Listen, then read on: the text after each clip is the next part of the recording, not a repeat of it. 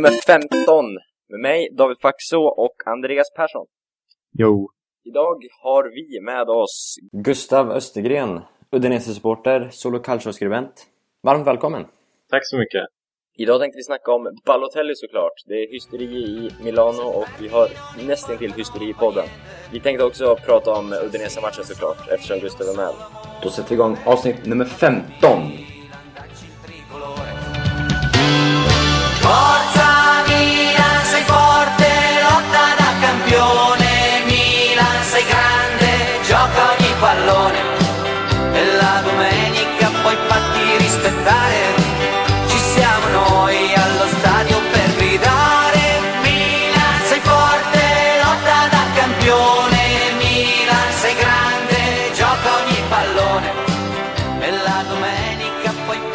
Katton är över och Mario Balotelli anslöt till slut. Vi diskuterade honom mycket förra veckan och han kom ju. 20 miljoner ungefär plus diverse bonusar. Andreas, du är glad vet jag. Ja, det, det kan man ju lugnt säga och det råder en um, entusiasm och eufori i, i Eslöv, precis som i Milano. Eh, om man har uh, dömt bilderna rätt därifrån. Så det är mer än vad jag hade kunnat förvänta mig verkligen att se, det skulle bli så stor uppståndelse som det har blivit. Och eh, det är en fantastisk värvning och sett till pris och allting. Så nej, det är uteslutande positivt. Mycket av den här värvningen får väl tillskrivas Galliani som på tio dagar ungefär, om jag har siffrorna rätt, sänkte priset från 37 miljoner till eh, 20 miljoner som vi nu fick honom för. Det är beundransvärt om du frågar mig. Ja, det är det verkligen. Vi har sett Gardiani utnyttja sådana här situationer väldigt bra och det är ju det som är hans absoluta styrka. Eh, sen skadar det inte att ha en, eh, en eh, napoletanare från Holland heller på sin sida i, i det här fallet. Eh, Raiola har ju varit väldigt bidragande så kan jag gissa. Men som vi konstaterade förra veckans avsnitt, eh, som Italien-älskare så har man en bild av Mario Balotelli. Antingen älskar man honom eller så gillar man honom inte. Gustav, vad tycker du om Balotelli? Eh, Det är väl dags för mig att komma ut ur garderoben här kanske. Jag är ingen större fan direkt.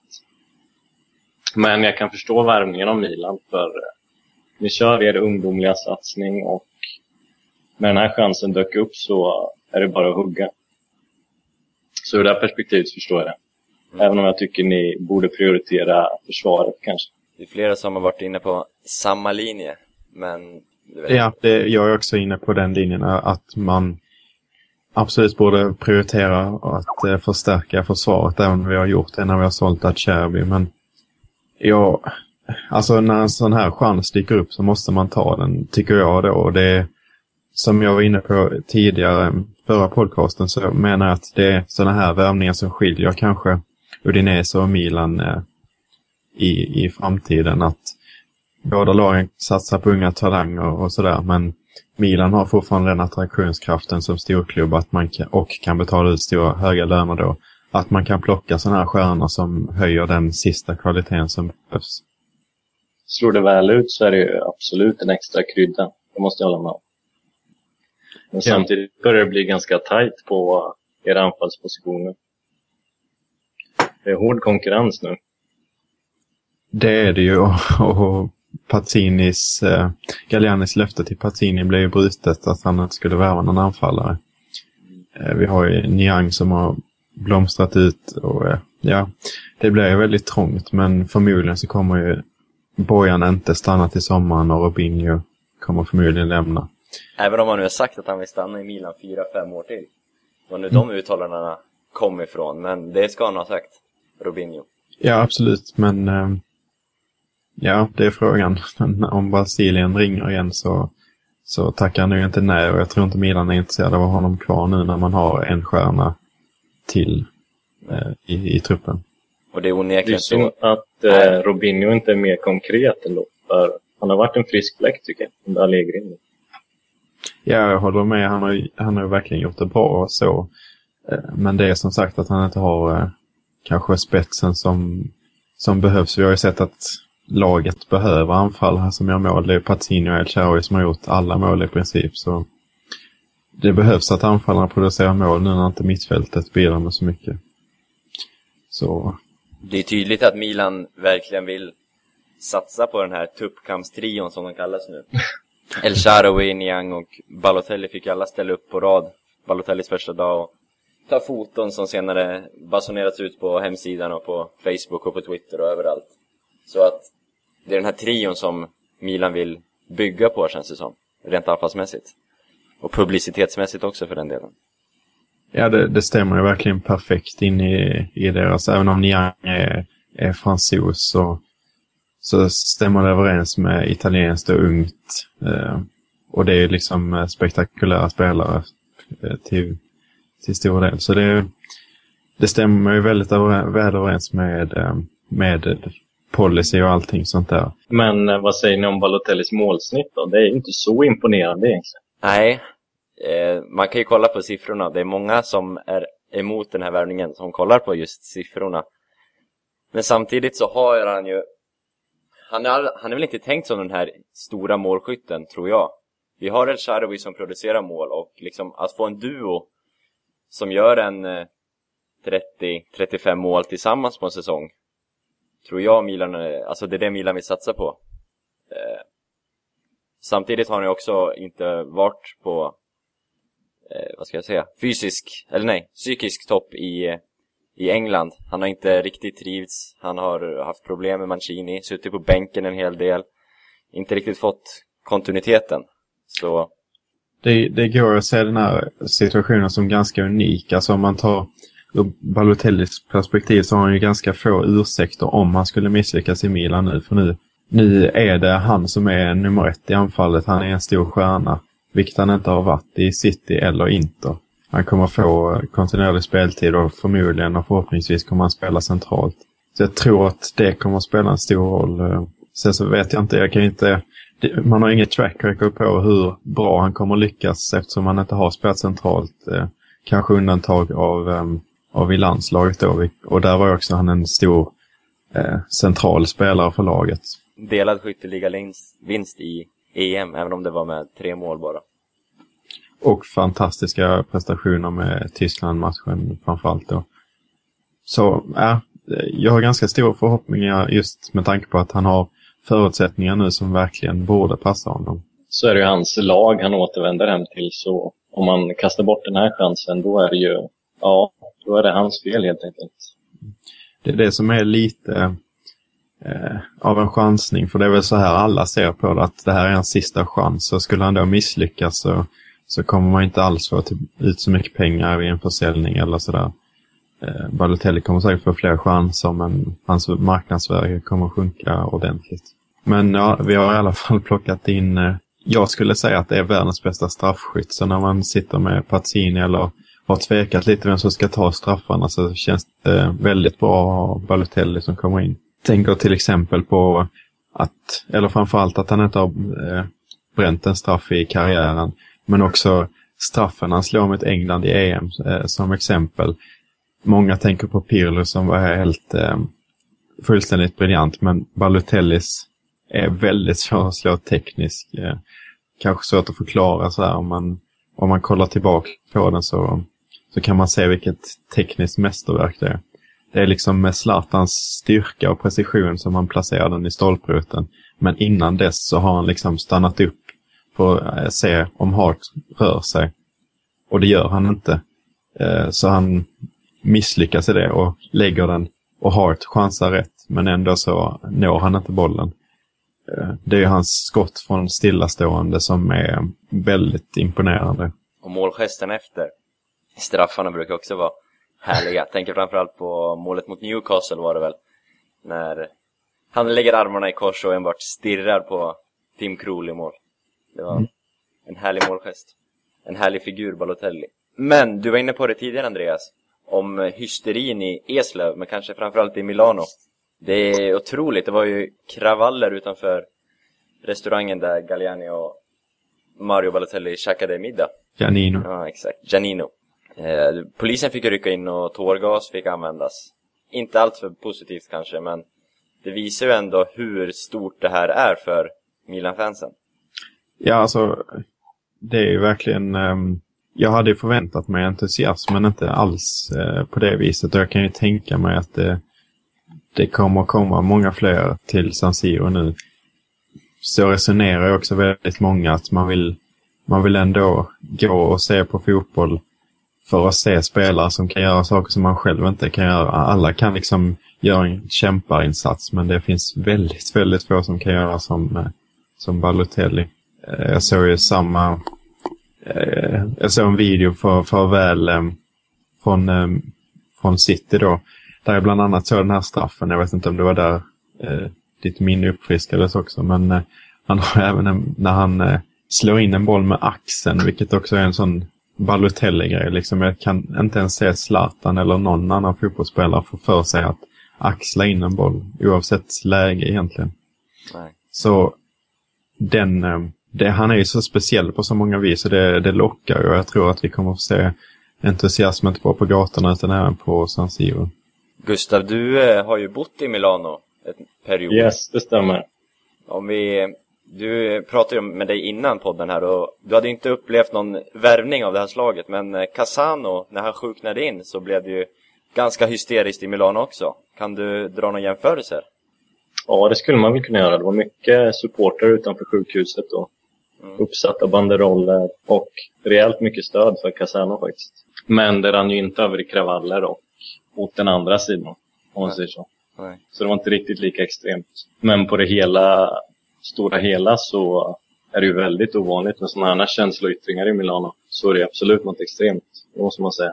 Jag tänkte komma till det. Milano är ju inte alls som södra Italien. Milano är en businessstad, en modestad som inte alls andas samma, vad ska man säga, craziness, galenhet. På, som Nej, absolut inte. Neapel eller som eh, Sicilien eller dylikt. Så det var det ju... känns ju nästan inte som Italien faktiskt. Det är väldigt internationell atmosfär. Så. Mm. Så det är uppfriskande för mig som milanista att se den här passionen verkligen glöda i, i stan igen.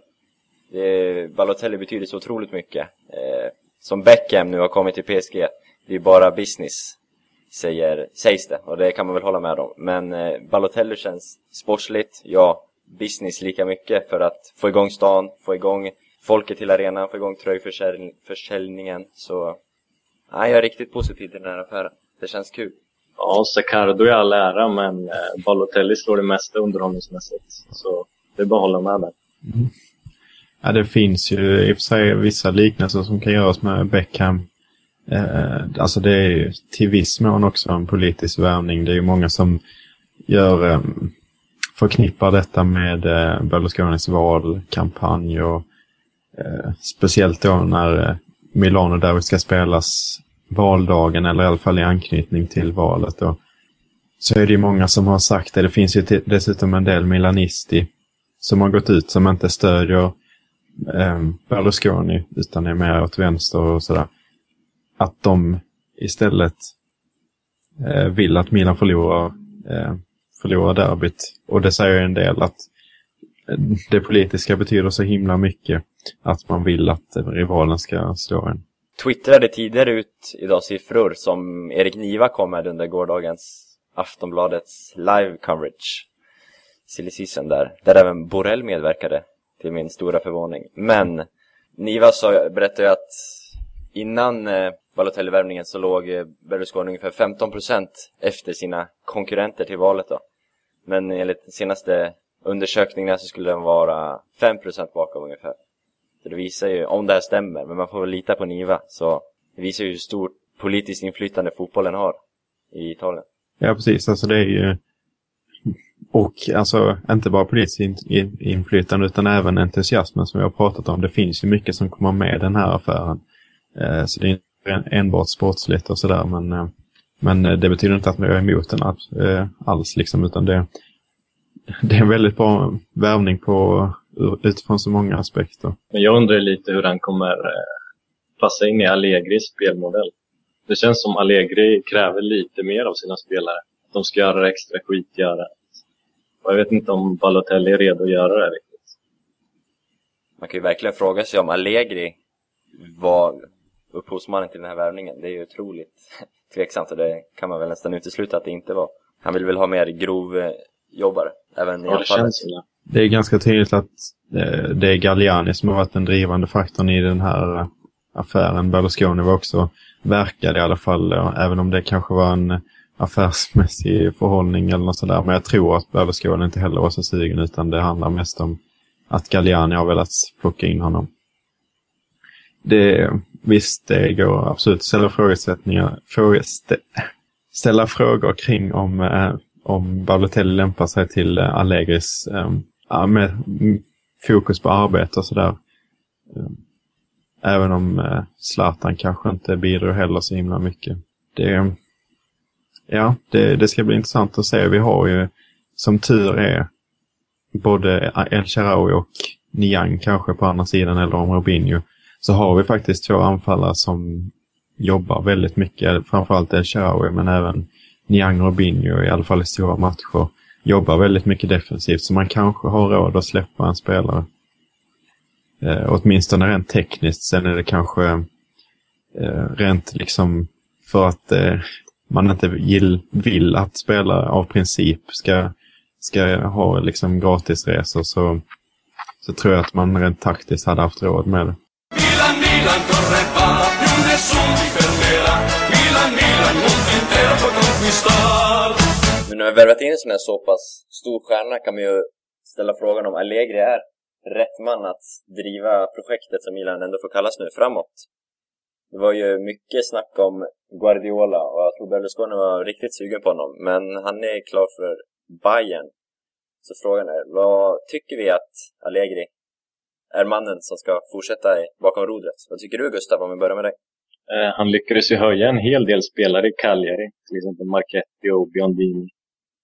Men eh, det är inte riktigt den här kreativa spelartypen som El Shaarawy och Niang och dem. Så jag vet inte om han är rätt man för att forma dem. Nej. I framtida storspelare. Han har ju en tendens att eh, gilla sina hård, hårdjobbande mittfältare. Ja, jag, jag håller helt med och det, det går inte att sätta tydligare exempel än att han eh, tycker att eh, Flamini är en trekvartista liksom. Du har... Eh, El Shaarawy har exploderat den här säsongen. Men samtidigt så har han, eh, nu när han har tappat eh, lite i målproduktionen så tänker man kanske att det är något som saknas. Det kan ju bara vara en, en, eh, en naturlig formdipp liksom. För han har gjort en helt fantastisk säsong och han är ung och allt sådär. Men det går ju att eh, fundera, går ju absolut att argumentera för att det skulle kunna vara hans eh, uppoffrande ehm, i defensiven som gör att han inte är med lika mycket offensivt. Eh, att helt enkelt El kreativitet och målproduktion får stå till eh, bekostnad av eh, hans defensiva arbete. Och eh, sen har vi också frågetecken, kanske det största frågetecknet och det enda frågetecknet jag sätter på Allegri är att hur han har hanterat stora spelare. Eh, framförallt senatorerna men stora spelare generellt. Det känns inte som de som lämnar Milan är fullt lika nöjda som de har varit när de har lämnat tidigare. Och Gattuso till exempel kom ju verkligen på kant och nästa. Alla de, jag tror de hade stannat kanske ett år till om, om Allegri hade behandlat dem annorlunda. Eh, så det, yes, det finns absolut frågetecken kring det och det, det känns ju som det är viktigt nu när man ska forma den här, den här nya milen att det är, ett, eh, det är en tränare som klarar av uppgiften som sitter på bänken. Han känns ju inte som tränaren som har störst auktoritet i omklädningsrummet. Han känns väldigt... Nu känner vi ju inte Allegri alls, och jag har ingen aning om hur han ser ut i omklädningsrummet. Men det känns väldigt tillbakadraget, anonymt, lite blygt nästan. Intrycken jag har fått från eh, intervjuer och presskonferenser och så. Men som sagt, vi har ingen aning om hur det ser ut egentligen. Men jag har väldigt svårt att se Allegri liksom överrösta en arg Ibrahimovic eller varför inte ta en arg Balotelli nu. Det är jag har svårt att se det. Men samtidigt får man inte glömma heller nu tycker jag att Milan har gått otroligt bra efter den här dåliga säsongsinledningen. Så har ju Milan, det var väl något att Milan egentligen ska leda nu och man skippade de första tio omgångarna så skulle Milan lägga etta i ligan. Men eh, jag tycker det kan tillskrivas Allegri väldigt mycket ändå. Hans spelsystem 4-3-3, även om vi vill ha det eller inte i den här podden, så sitter det och onekligen så går det ju ändå ganska bra. Det beror lite på vilken typ av Milan man vill ha. Om vi ser till det Milan vi har haft nu på senare tid så tycker jag att Allegri är väldigt bra. För det är ett, jag ska inte säga att det är ett mediokert lag, men det är ju inte det är inget lag fyllt av stjärnor utan det är, man får sätta fokus på lagspel till, till viss del. Man kan inte förlita sig till att Pazzini, man kanske kan förlita sig till El Shaarawy, men han är ung. Att Pazzini gör avgör matcher på egen hand utan man behöver ett lagspel för att kunna vinna. Man kan inte heller förlita sig till mittbackarna så man behöver ett defensivt lagspel. Man behöver ett lag om man ska prestera och där ja, tror jag verkligen på Allegri med Cagliari han har i bakgrunden och allting sånt där. Eh, att Milan skulle kunna spela på det viset och nå framgång. Eh, relativ framgång åtminstone. Men frågan är nu om vi har en stjärna i Balotelli, kan han hantera det? Eh, så det är väl lite det jag ställer mig frågande till. Eftersom Mourinho och Mancini inte har lyckats, då blir man lite skeptisk när det kommer till Allegri och Balotelli. Alltså. Ja, alltså det... Ja, absolut. Det, det känns, jag får så intrycket av att han har mognat under hela processen, även om han inte har eh, är mentalt frisk fortfarande kanske. Det, men samtidigt så, så kommer han till sitt favoritlag och alla omständigheter. Jag tror framförallt att det här med att han är nummer ett kommer vara en, eh, en omständighet som, som kommer göra att han lyckas. Vi, jag tycker ändå att Prandelli lyckades med honom till exempel. Eh, om det berodde på Prandelli som är en fantastisk eh, tränare, som är fantastisk med människor, eller om det berodde på att han var stjärna, eller en kombination av det. det. Eh, jag tror i alla fall på att det kan gå bättre. Många av problemen Balotelli haft i andra klubbar, Inter och City då, är ju mycket har ju startat med diverse bråk med medspelare. Som vi var inne på förra avsnittet, där kompis till dig Andreas hade ju teorin om att Balotelli kanske trivs lite bättre med ett ungt, liksom fräckt, coolt Milan med häftiga frisyrer, att liksom Balotelli kommer in och blir kungen där. Att han skulle, att han trivs bättre och att han presterar, blir harmonisk på något vänster. Och om man inte har några senatorer som vakar över ens axel hela tiden. Att han kan lyftas över det. Och på så vis prestera på plan och går bättre ihop med Allegri. Jag tror att eh, El-Sharawi kommer vara en nyckel till den här, om vi fortfarande ska prata om Balotelli, att han är en väldigt bra blandning. Han sitter på ehm, bland Ambrosini och, och de äldre när han äter på Milanello och sådär. Han har mycket av det här mogna tänket nu. Han tränar väldigt mycket. Han har lagt bort fokus på annat liksom och fokuserar verkligen på det viktiga. Agerar moget i alla situationer. Eh, samtidigt som han har en, eh, en viss del av det här eh, ungdomliga i sig. Liksom. Så jag tror att, eh, och de har också sagt att de kommer vara väl överens liksom, när de har varit i italienska landslaget. Så jag tror att han kommer vara väldigt viktig för Balotelli. Och ja, han är ju på många sätt ett föredöme för unga spelare på det viset. Så ja, jag, jag lägger mitt hopp till El Shaarawy precis som jag har gjort hela säsongen. Frågan är hur han hanterar att inte bli nummer ett längre. För Galliani sa väl att El-Sharawi är vår nya Ibrahimovic. Bara för någon månad sedan. Så det blir intressant att se hur eh, El-Sharawi utvecklas. Det är det, det, är det absolut. Det, det är då frågetecken kring det mentala, att han inte är nummer ett. För att han, jag tror han kommer lyckas bra ihop med Balotelli på planen. Att han får avlastning i, i det kreativa och uppbackning och allting sånt där. Så, så jag tror att han kommer passa bra så, men hur han hanterar att han inte är nummer ett kanske. Eller att han plötsligt, eh, han har ju hela tiden jobbat, men så ser han Balotelli eh, ströva omkring där. Eh, så kanske han inte är lika sugen på att spela vänsterback i försvaret. Liksom. Så det, det är också en, eh, en farhåga, absolut. Men så länge tuppkammarna står enade så lovar det gott helt enkelt. Milan, Milan, corre va, più nessuno ti fermerà. Milan, Milan, mondo intero può conquistar. På uh, söndag kväll så möter vi Udinese, en väldigt, väldigt viktig match. För ett Udinese som jagar bakifrån och Milan som måste knappa in på uh, Champions League-platsen är väl målet, måste ju vara målet nu. när vi är så pass nära. Gustav, vad eh, spontana tankar om matchen i sig? Om vi börjar där. Rent krasst så har jag väl inga större förhoppningar. Inte efter matchen mot Juventus och Siena som har, ja de har inte bjudit på mycket ögongodis. Det är väl den spontana tanken. Mm. Dels har det varit inställningen som har varit snudd på katastrofal. Och sen så är mittfältet också under all kritik faktiskt. Om man jämför med förra året. Och vi, hände det mycket Mercaton i Udinese? Gazettan rankar ju 5,5 fick väl Udinese när eh, Gazettan betygsatte alla lags Mercato i, i ligan. Ja, det stämmer. Men Gazettan brukar ge Udinese ganska lågt betyg faktiskt.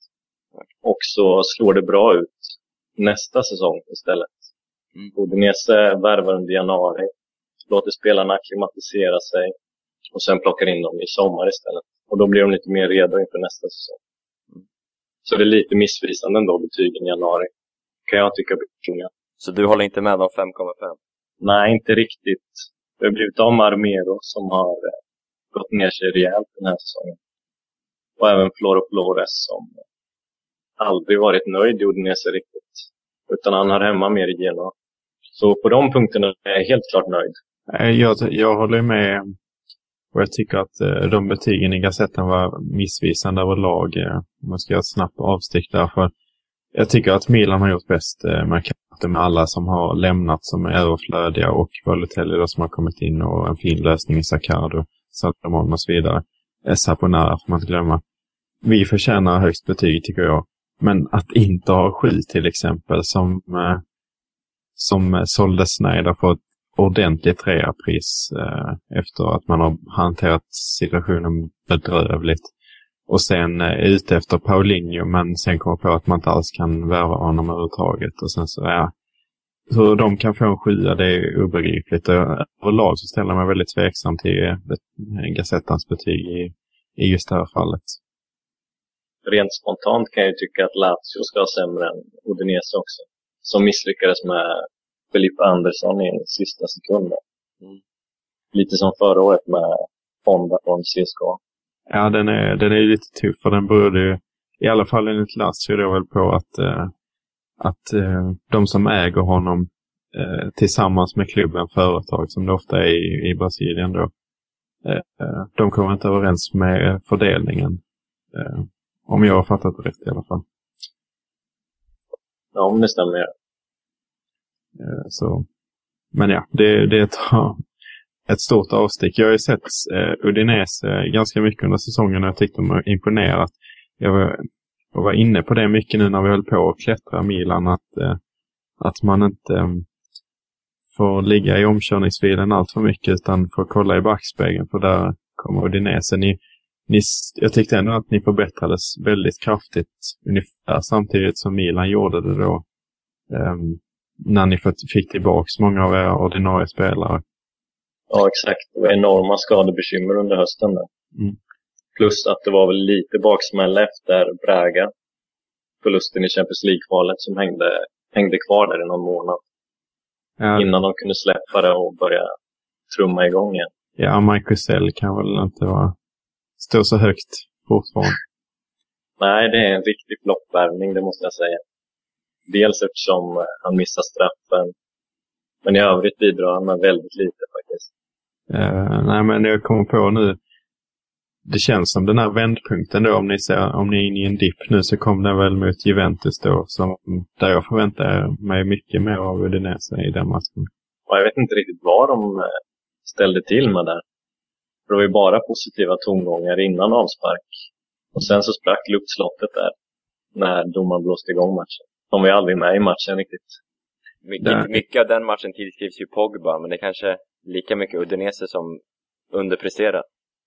Ja, det var väldigt håglöst och väldigt lite grinta. Man är inte van att se Udinese på det sättet.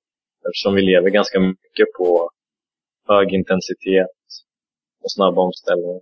Men det fanns ju inget av den varan då. Jag tycker det är lite intressant och det här med att du kritiserar mittfältet väldigt mycket. Nu kommer jag faktiskt inte ihåg om det var i podden eller om vi snackade innan, men, men eh, det var i alla fall kritiskt till hur mittfältet ser ut nu. Men eh, eh, jag tycker att utifrån det jag har sett med undantag av Juventus då kanske så har det varit alltså Pinci och, och Allan och har varit väldigt bra. Och Latsa när han har kommit in då på mitt, mitten. Ja, det stämmer.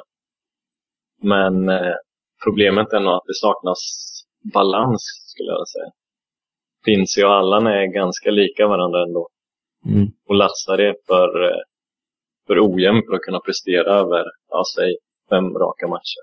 Så det behövs en Asahoa helt enkelt. Han hade både bollvinnande och den, eh, vad ska man säga, spelskickliga delen. Är det, är det just försäljningen av Asamoah som fick liksom, om man ska kalla den bägaren som rinner över? För ni har ju klarat många försäljningar tidigare, men att det var det som inte gjorde att ni återhämtade er från den här sommarens försäljningar? Ja, jag tror nog det är det faktiskt. Eftersom man har eh, båda de delarna som jag sa, så var han en perfekt balanserande mittfältare. Mm.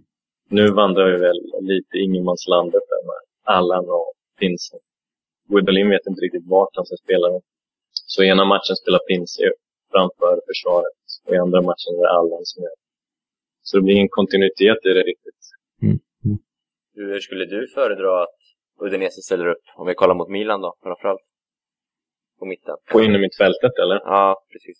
Jag ser ju helst att Allan spelar framför backlinjen precis. Mm.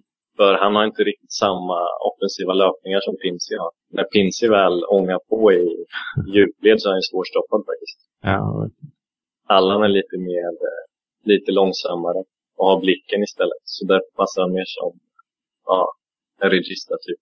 Vad tror du? Tror du alltså, är det det Muriel och Di Natale som är hotet offensivt? Eller tror du, liksom vad tror du taktiken kommer vara för Udinese mot Milan? Blir det backa hem och köra kontringar på de två topparna eller? Ja, det tror jag nog faktiskt. Mycket av hoppet ställs till Di Natale. Han har väl gjort 11 mål på 18 matcher tror jag mot Milan. Så det är en ljuspunkt i, i mörkret de senaste matcherna. Ännu ljusare kan det bli för er om ryktet stämmer att Bonera startar. Bonera versus Di Natale väcker inte alls för positiva bilder från mig i alla fall. Nej, jag gillar verkligen Bonera, men han har kanske inte haft tur med just eh, Di Natale. Men å andra sidan är det många andra försvarare som har haft olycka mot, eh, mot honom. Eh, jag är väldigt nyfiken på det här. För att, och ehm, Jag blev väldigt positiv nu när du var så negativ, Gustav. Jag hade förväntat mig eh, eh, ett tro om, eh, om tuffare motstånd. Men men om mittfältet ser så svag ut, jag hade som jag satsat på att svagheten skulle vara kanske defensivt när jag tycker att målvakterna inte har, har imponerat alls precis. Och, och Benatia som är borta i afrikanska och lite sådär. Ja, jag är väl nöjd med varannan lagdel ungefär. Jag är nöjd med försvaret och sen anfallet. Mindre nöjd med mittfältet och målvakt. Mm. mm. Du tycker att eh, man klarar sig bra utan Benatia? Ja, fransmannen Horto har växt in i laget riktigt bra. Mm. Han är lite långsam, men där väger han upp med en riktigt bra grinta. Alltså. Han kämpar på som ingen annan på plan. Just Benatia, eh, det är mycket snack om att han är väldigt skadebenägen. Jag vet inte hur mycket, har du koll på hur många matcher han spelar? Då, om man jämför med Thiago Silva till exempel så hade han ju verkligen ryktet av att vara väldigt skadebenägen fast att han gjorde nästan alla matcher på en säsong kändes som. Ja, jag vet inte om han är så skadebenägen faktiskt. Han brukar starta bredvid Danilo. Är det, mm, hur kan du beskriva honom? För jag är, vi har ju liksom eh, lanserat honom som eh, en ny backklippa i Milan. eh, Om man får drömma om. Så, Så enligt mig så står ju den affären skriven i stjärnorna mer eller mindre. Jag skulle inte bli förvånad om han går till Milan i sommar. ja, det var ju spännande. Vad, Nu har, vi, nu har vi fått Ogbana från Joel Olsson och Benatia Ja. från dig. Det, det låter lovande det här. Varför han skulle gå till er? Ja, dels har ju Udinese köpt in några mittbackar. En just nu i januari, som heter Naldo. Och det tyder ju på att han kommer spelas in här nu. Han lånades ut i Bologna. Så då hinner han nog acclimatisera sig till i sommar. När det är dags för Benatia att lämna. Det är väl min spontana tanke. Ja, det hade ju verkligen... Det är ju en favoritspelare hos mig och Milan har ju historien av, um, vad ska man kalla dem, eleganta försvarsspelare. Så det, jag tycker att han hade passat in där väldigt väl. Men ni ska nog inte ha för höga förhoppningar kanske. Jag tror konkurrensen blir hård faktiskt. Okej. Både Ja, Napoli alltså- har väl varit där och dragit, även Juventus. Och Pozzo har ju ganska bra kontakter med både De Laurentiis och Juventus. Så de har nog eh, ja, sina S i rockärmen där. Men samtidigt är väl ni i större behov av en mittback, så ni kanske går den där extra milen för att få dit honom. Jag vet inte. Ja, samtidigt, ja, nu när Napoli har fått in Rolando från, från Porto så är kanske vi i större behov av mittbackar, som du säger. Ja, det är vi verkligen. Sen är vi inte, är vi inte kända för att vilja gå den extra milen med, som du säger. Utan det, det brukar vara att eh, ta tillvara på möjligheter och sådär. Tyvärr. Ja, det kommer nog bli en ganska saftig prislapp tror jag. Ja, ni har ju, ja, om man Åtminstone runt 15 miljoner euro. Och vi, jag vet inte om jag har nämnt här, men det är, jag tycker det är så viktigt med mittbackspositionerna att eh, det är förhållandevis billigt att få jättebra mittbackar jämfört med jättebra anfallare. Och du kan ta dig långt, du kan vinna Champions League eh, med ett bra mittbackspar. Jag tyckte verkligen att vi hade bra chans, till exempel förra året med nästa Thiago Silva eh, mot Barcelona. För att även om Barcelona var inne och spelade, spelade trianglar liksom i vårt, eh, i vårt straffområde så kändes det relativt ofarligt med en viss eh, överdrivenhet. Och det, man, man kan vinna extremt mycket på mittbackar som, eh, som kan försvara. Och det är väldigt sällsynt nu för tiden. Såg vi väl inte minst 2010, när Inter vann, även om ingenting ska tas ifrån Milito och Eto'o Schneider. Men Lucio Samuel var ju utöver det vanliga den säsongen och ska få mycket till den trippen. Ja, Samuel var djurisk den säsongen. Men samtidigt är ju försvarsspel även en eh, kollektiv uppgift. Så Ja, där är absolut. resten av laget måste bidra med sin del. Men samtidigt, nästa Thiago Silva släppte in sex mål, visserligen med Van Bommel framför, på en halv säsong. Och då hade vi Antonini och Abate på kanterna med, som var ganska labila defensivt. Så eh, det absolut, det ska man försvara som en enhet. Jag motsätter inte mig det, men mittbackarna är enormt viktiga. Eh, Och På samt, tal om van Bommel, vilken gud han var i Milan. ja, det, Det Jag och mina kompisar satt bara och följde van Bommel under matchen. ja, Det det var en var, fröjd att se faktiskt. ja, verkligen. Då skulle man sett honom live, som jag hade turen att göra ett par gånger. Det är helt otroligt vad man missar på TV, hur van Bommel presterar på planen. Tänkte framförallt på uh, Milan-Napoli var det väl, 3-0-segern i Scudetto-säsongen. Det var helt otroligt vad imponerande det var van Bommel. Hur han rör sig, hur han läser spel, hur han styr spel. Det är något vi verkligen saknar i, i år, med eh, Flamini på mitten istället. Trekvartisten. Flamini är ju någon slags antites till Van Bommel. Eh, får man ju säga på väldigt många sätt. Eh, passningsspelet. Van Bommel är mästerlig. Och eh, den ena springer väldigt mycket och den andra är smart helt enkelt. Springer smart. Sedan var inte van Bommel allt för bra slutet av sin andra säsong, tycker jag personligen. Så, han ville ju också hem till PSV, så den, det släppet var väl logiskt. Ja, precis. På tal om eh, Milan Udinese då. Avstickare, avstickare. Men om vi vänder på steken så kan det ju vara en stor match som behövs för att Udinese ska få fart på spelet igen. Udinese kan ju ska nog inte det. vara helt säkra. Man kan aldrig vara helt säker när Dina Talle spelar mot Milan, det går inte. Milan, Milan corre va, e più nessun ti fermerà. Milan, Milan, mondo intero può conquistar.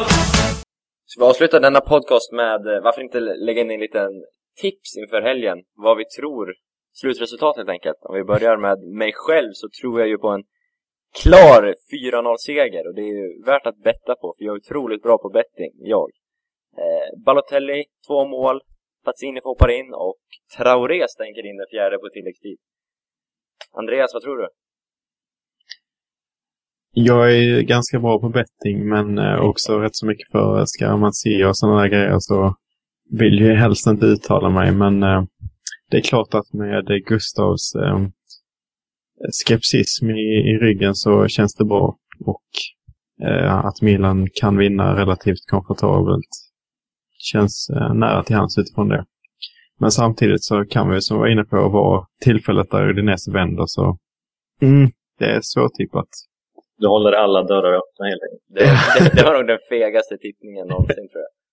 Men Okej, då säger jag 3 1 Målskyttar Pazzini El Sharawi Balotelli gör sista målet i 86 minuten.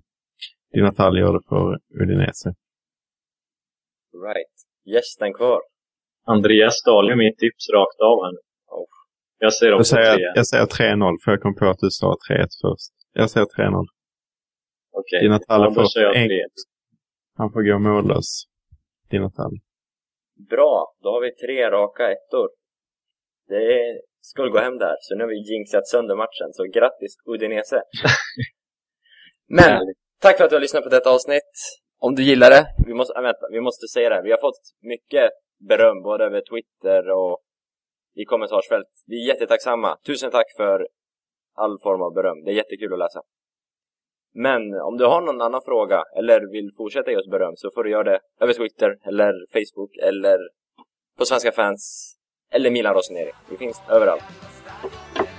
Tack Andreas för din medverkan idag. Tack. Och stort tack till dig Gustav som ville ställa upp.